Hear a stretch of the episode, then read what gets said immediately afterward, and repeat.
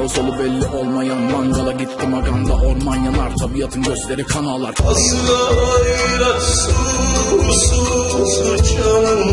Özgürlük içinde özgürlük kafanda özgürlük. Kıyıda bir çıplak adam.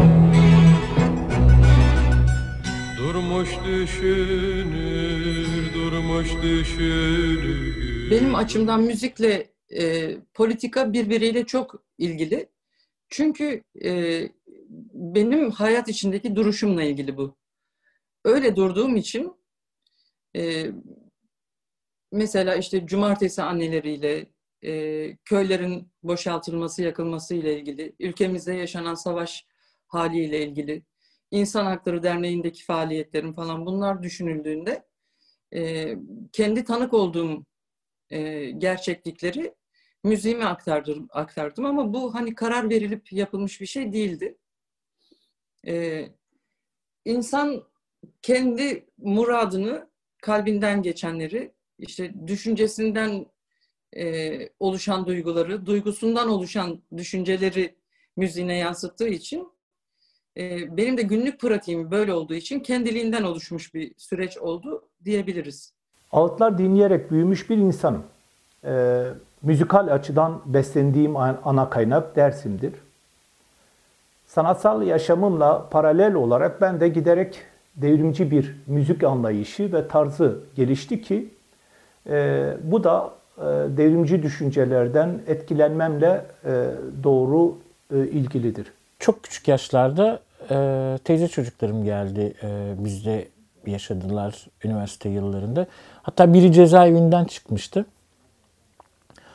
E, o cezaevinden çıkan sayesinde işte Livaneli hep oldu evimizde. Ondan sonra Ruhisi oldu. Diğeri de Batı müziğine çok düşkündü. Batı müziği de hep oldu dönemin popüler müzikleri. Ee, ama en şanslı olduğum şeylerden biri de daha 90 öncesi 87 ya da 88 yılında grup yorumu canlı izledim. Sıyrılıp gelen yeni çıkmıştı. Çembertaş Şafak sinemasında.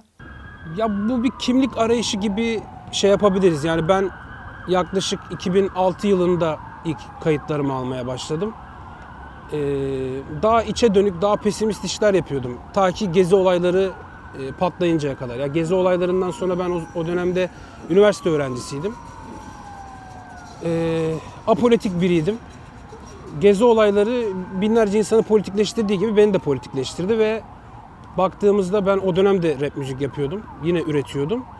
Ee, bunun böyle olması gerektiğine karar verdiğimde demeyeyim de hani kendiliğinden bir şekilde bunun böyle olması gerektiği oluştu. Dedem e, yaşadıklarından e, Beyaz Dağ'da tanıklık ettiği vahşetten hiç ama hiç bahsetmediği, konuşmadığı ölene kadar. Acılarını söylediği ağıtlarla dile getiriyordu. Söylerken e, gözyaşları eşlik ederdi bu ağıtlara. E, bu ağıtları duymakla yetinmedim, söylemeye başlamıştım ben de. Bizim ülkemiz bu dünya içinde adaletsizlik konusunda e, tepelerde, ilk sıralarda olan ülkelerden biri.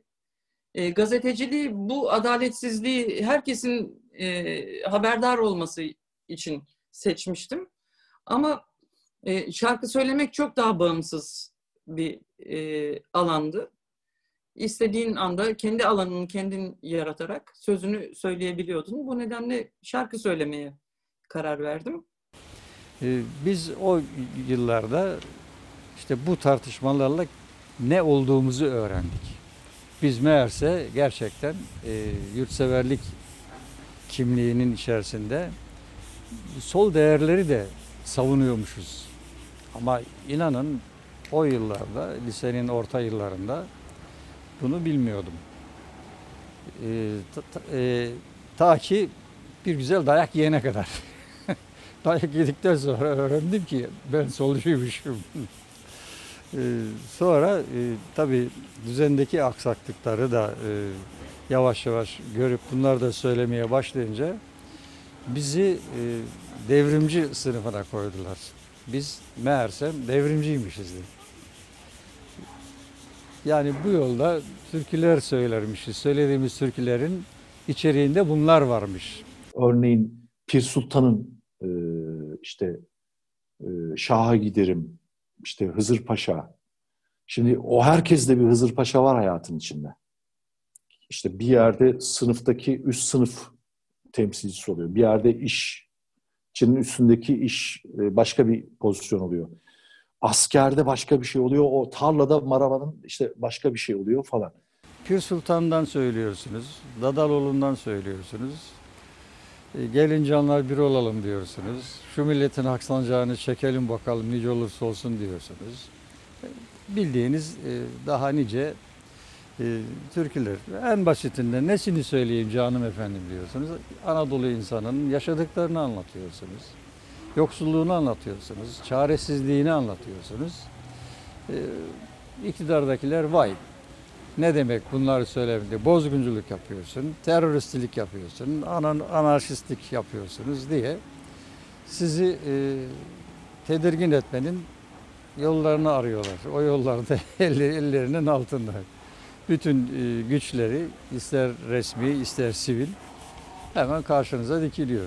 O günlerin en güzel yanı neydi derseniz e, 80'den sonra ilk geceler o büyük e, organizasyonlar spor sergi sarayıydı Lütfi Kırdar o zaman. E, kışın orada yapılırdı. Yazın da açık hava tiyatrosu kullanılırdı bizim e, konserlerde. Beşiktaş'ta tarihi e, e, bir sinema vardı. Mıstık'tı galiba. Evet. Orada yapılırdı mesela. Güzelliği şuydu.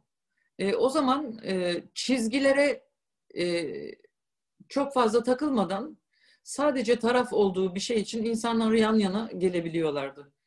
90'lı yılları yılların sonuna gelindiğinde bu e, gerçekleşti değişti. Herkes kendi e, çizgisinde bir organizasyon yapmaya başladı. Çok standart programları da vardı işte halk oyunları, o tipik bir tiyatro gösterisi olurdu işte e, kuzular ayaklanıyor filan. Onlar komediydi tabii. Ama geceye gelen mesajlar en sevdiğim bölümdü. Farklı hareketlerden, e, sanatçılardan, fraksiyonlardan çeşitli şeyler gelirdi, mesajlar. Onlar çok büyük bir coşkunlukla, e, böyle sloganlarla karşılanırdı. En sevdiğim şey birkaç tane sanatçı mutlaka e, aşıklardan e, birileri de olurdu. Mahalli sanatçılar da olurdu. Kültür merkezlerinin korusu filan. E, yorumu izlediğim geceyi unutmuyorum. Çok efsaneydi. Sinemalarda olurdu genelde şeyler. Bugünkü gibi böyle konser salonları çok fazla yoktu. Bazıları hala aklımda Bahçeli Evler'deki Zafer'di galiba. E, Sefaköy'de bir tane çok meşhur vardı. Ünver miydi? 500 Evler'de Müge Sineması vardı. Beyoğlu'nda Fitaş ve Emek'te de geceler olurdu. Çok büyük birkaç konser de hatırlıyorum ben. İşte Ankara'daki Livaneli'nin konseri. Ve oraya gitmek bile çok politik bir itiraz nedeni gibi anlaşılabilecek bir şeydi. Örneğin Grup Baran'ın ilk Söz Gençliğin e, gecesini Beşiktaş Mıstık Sineması yanılmıyorsam. Oradaki ilk İstanbul'u dinlemişliğimiz var. Kültür merkezlerinde müzik olmazsa olmaz onların kafelerinde. Küçük çaplı dinletiler, e, saz çalan, gitar yeni yeni popüler oluyor abiler, ablalar. E, ve kaset patlamıştı o zaman. Yani Türkiye'de kaset çok önemliydi. E, nasıl şu an günümüzde insanlar e, beğendikleri şeyleri sosyal medya üzerinden birbirleriyle paylaşıyorlar. Ee, o zaman öyle bir şey yoktu. Birbirimize kaset çekerdik. Yani hoşumuza giden, sevdiğimiz, kıymetli bir kaseti. E, benim çift kaset çalarlı bir teybim vardı. Çok çekmişimdir yani. Yüzlerce hatta talep gelmese bile aa bakın bu çok güzel. Böyle paylaşırdık. Tiyatrosuyla, e, halk geceleriyle, toplantılarla, bilinçlenme toplantılarla, okuma günleriyle e, eskiden kitap okuma günleri olurdu. E, kitap okuma günlerinde Birileri çıkar türkü söylerdi, birileri der şiir söylerdi. Yörenin kendine e, has, özgü, bilinen e, halk şairleri vardı. Onların atları sanları bilinmezdi. Doğaçlama söylerlerdi üstelik o an. Onlar şiirler söylerdi, fıkralar anlatırlardı. Yani o halk evleri halkı birleştiren, bütünleştiren, kaynaştıran çok önemli gelişim yerleri, gelişme yerleri oldu. Kültürel gelişme yerleri oldu.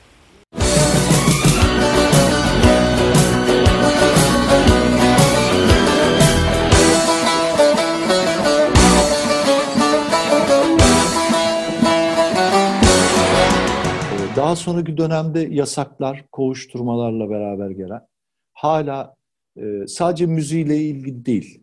Aslında o protest kimliğe bizim dahil olacağımız yerlerden birisi bunu hayatta karşılığını da oluşturarak bu müziği yapan insanlar.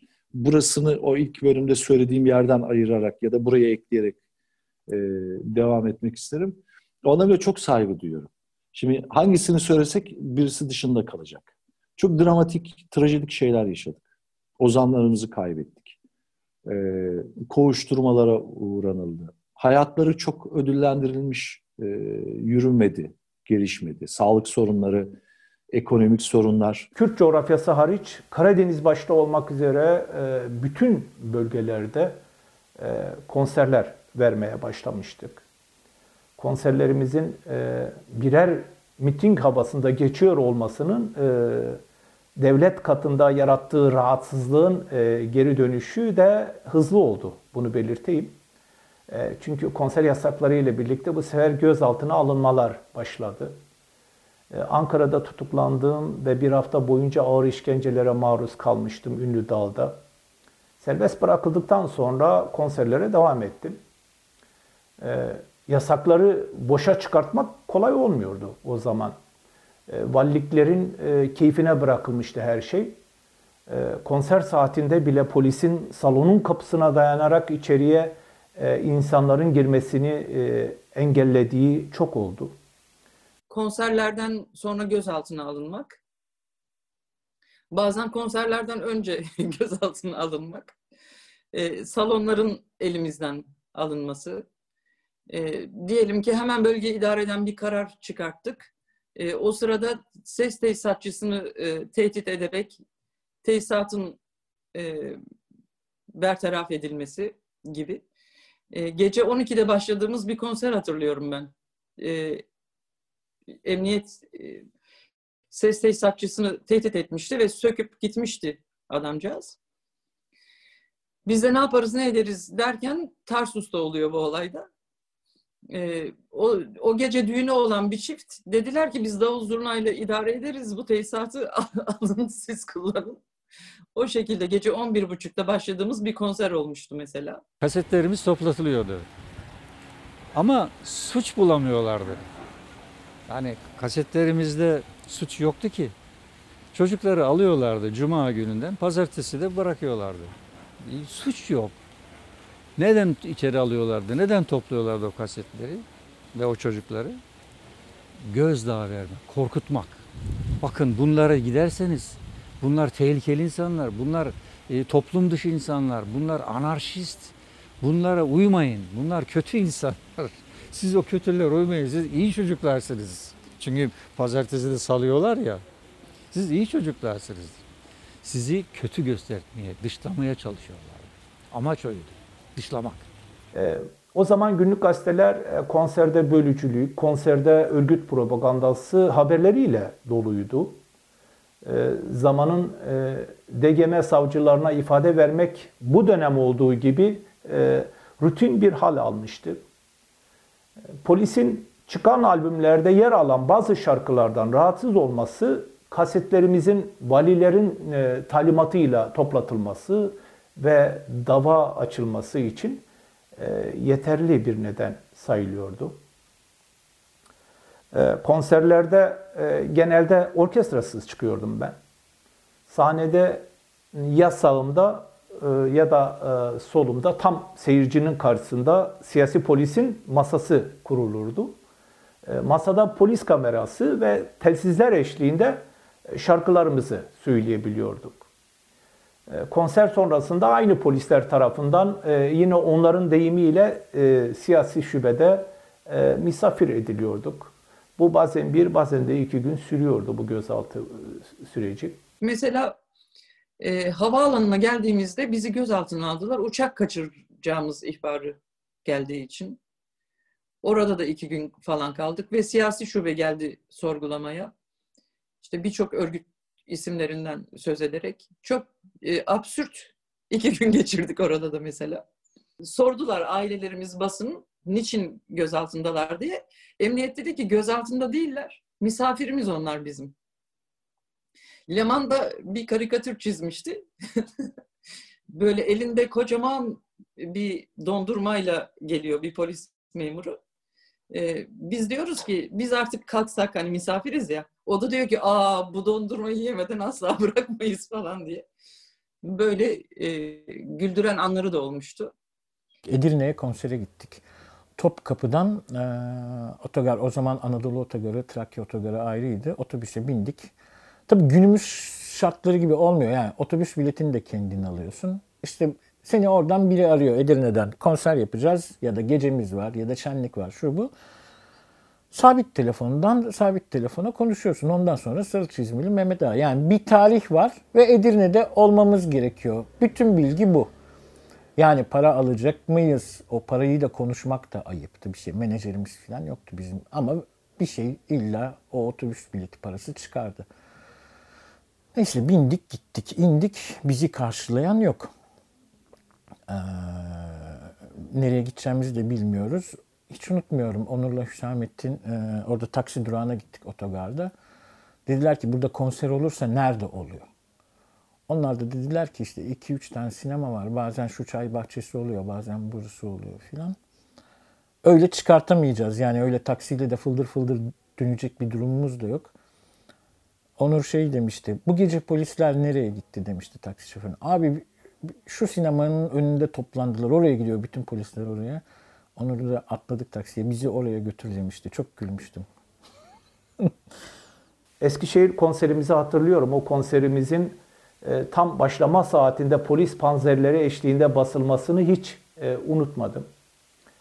E, yine Kayseri'de fuarda bir e, salon tıka basa dolmuş ancak e, valilik kararıyla polis tarafından e, kuliste sahneye çıkmam e, engellenmişti. Kulisin hem içinde ve kapısında dışarı çıkmam imkansızdı. E, sahneye benden önce çıkan e, bir müzik grubu benim şarkılarımı söylemeye başlamıştı benim çıkamayacağımı anlayınca. Ve ardından e, salon polis zoruyla boşaltılmıştı. E, ben o geceyi Kayseri'de yine gözaltında geçirmiştim. Dişlerini sıkmak için onlar yapar kalça için bizimse kirli sicil protesto eden gencin çantasında sivil Bence protest müzik e, çok e, değişti. Mesela protest ruhu nerede yaşıyor şu anda dersen yaygın olarak karşılık gören protest ruhu bana rapmiş gibi geliyor. Şu anki üretimler açısından. Ee, Türkiye'de rap piyasasında yıllardır belli başlı janralar var. Yani işte bir dönem duygusal şeyler ön plandaydı. Bir dönem dubstep ön plandaydı. İşte battle var, melankolik var. E, protest rap dediğimiz kimlik de var aslında. E, baktığım zaman elbette ki klasman olarak protest müzik yapıyor gibi gözüksem de aslında e, rap'in kendi içinde o varoluş dinamiklerini de göz önünde bulundurursak aslında baktığımızda ben rap yapıyorum. Çünkü rap'in de o kimliğinin içinde de bu var aslında. Tabii şu an 2021 dünyasında bu çok değişti ama ilk zamanlara baktığımızda bir altyapı yapıp e, bir ses kartı bir mikrofonla basit bir şekilde kayıt alabiliyorduk. E, bu gençlere bu aslında o dönem belki de daha basit geldi. Çünkü bir rock grubu kursan basçı bulacaksın şunu bulacaksın falan. Rap belki daha böyle atak daha basit tırnak içinde söylüyorum bunları. Daha şey daha kolay bir halde geldiği için belki de onları kendine çekti ve e, o bahsettiğimiz işte get dolaşma, şehrin arka tarafına itilme, e, bu bu tip sıkıntıları, bu tip mücadeleleri bu müzikte daha basit ve daha kolay yansıtabildiler belki de. İstanbul'un çeperindeki artık çeperde kalmadı ama o düğün salonlarında gündüz vakti gidip sahneye çıkıp hani 70'li yıllardaki gün düzenlemek gibi işte hani meyve sularıyla falan sahneye çıkıp derdini anlatan çocuklar çıktı. Şimdi bunlar gerçekten e, hayat son derece politik. Hani ben politize edeyim diye uğraşmıyorum yani ya da kimse öyle uğraşmıyor. Dertler var, sıkıntı var. Kendini ifade etme araçları yok. Ve oradan doğru daha zemini ve dayanağı olan bir müzik olarak artık karşımıza geliyor. Bu anlamıyla muhalif içeriği var. Yani muhalif müzik içeriğini benim siyasal olarak tespit ettiğim doğruları anlatma metinleri değildir onlar. Kendi muhalefetini ve kendi iktidar hikayesini bizim gözlemimizden daha başka bir yere indirgeyerek yaşayan insanlar var. Haliyle daha sahici bir yere oturuyor. Tabii ki de gezi olaylarından önce de Türkiye'de e, politik müzik yapan rapçi abiler, arkadaşlar vardı. Ama gezi olaylarından sonra tırnak içinde bu popülerleşti.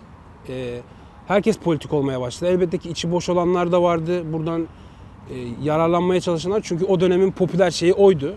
Herkes e, solculuk yapıyordu. E, bir süre biz de o popülerliğin içindeydik ama sonradan bu işin böyle olmadığını, gerçekten sınıfsal bir kimliğinin olduğunu, buradan bunlardan bahsetmek gerektiğini ve içeride de bunun kavgasını vermeye başladık aslında. Yani rapçilerin içinde de bunun kavgasını vermeye başladık. Peki bizim e, şarkılarımız ne diyor? Sömürünün, savaşın, düşmanlığın son bulması için sesleniyoruz ki hep bunu yaptık. Dilerim e, sesimiz daha çok duyulur. Bu zor günlerden de geçebileceğimize inanıyorum ben. Bir sürü e, karanlıktan geçtik birlikte yürüyerek. Birlikte bir yol yürüyoruz. Buna olan inancın kaybedilmemesini istiyorum ben.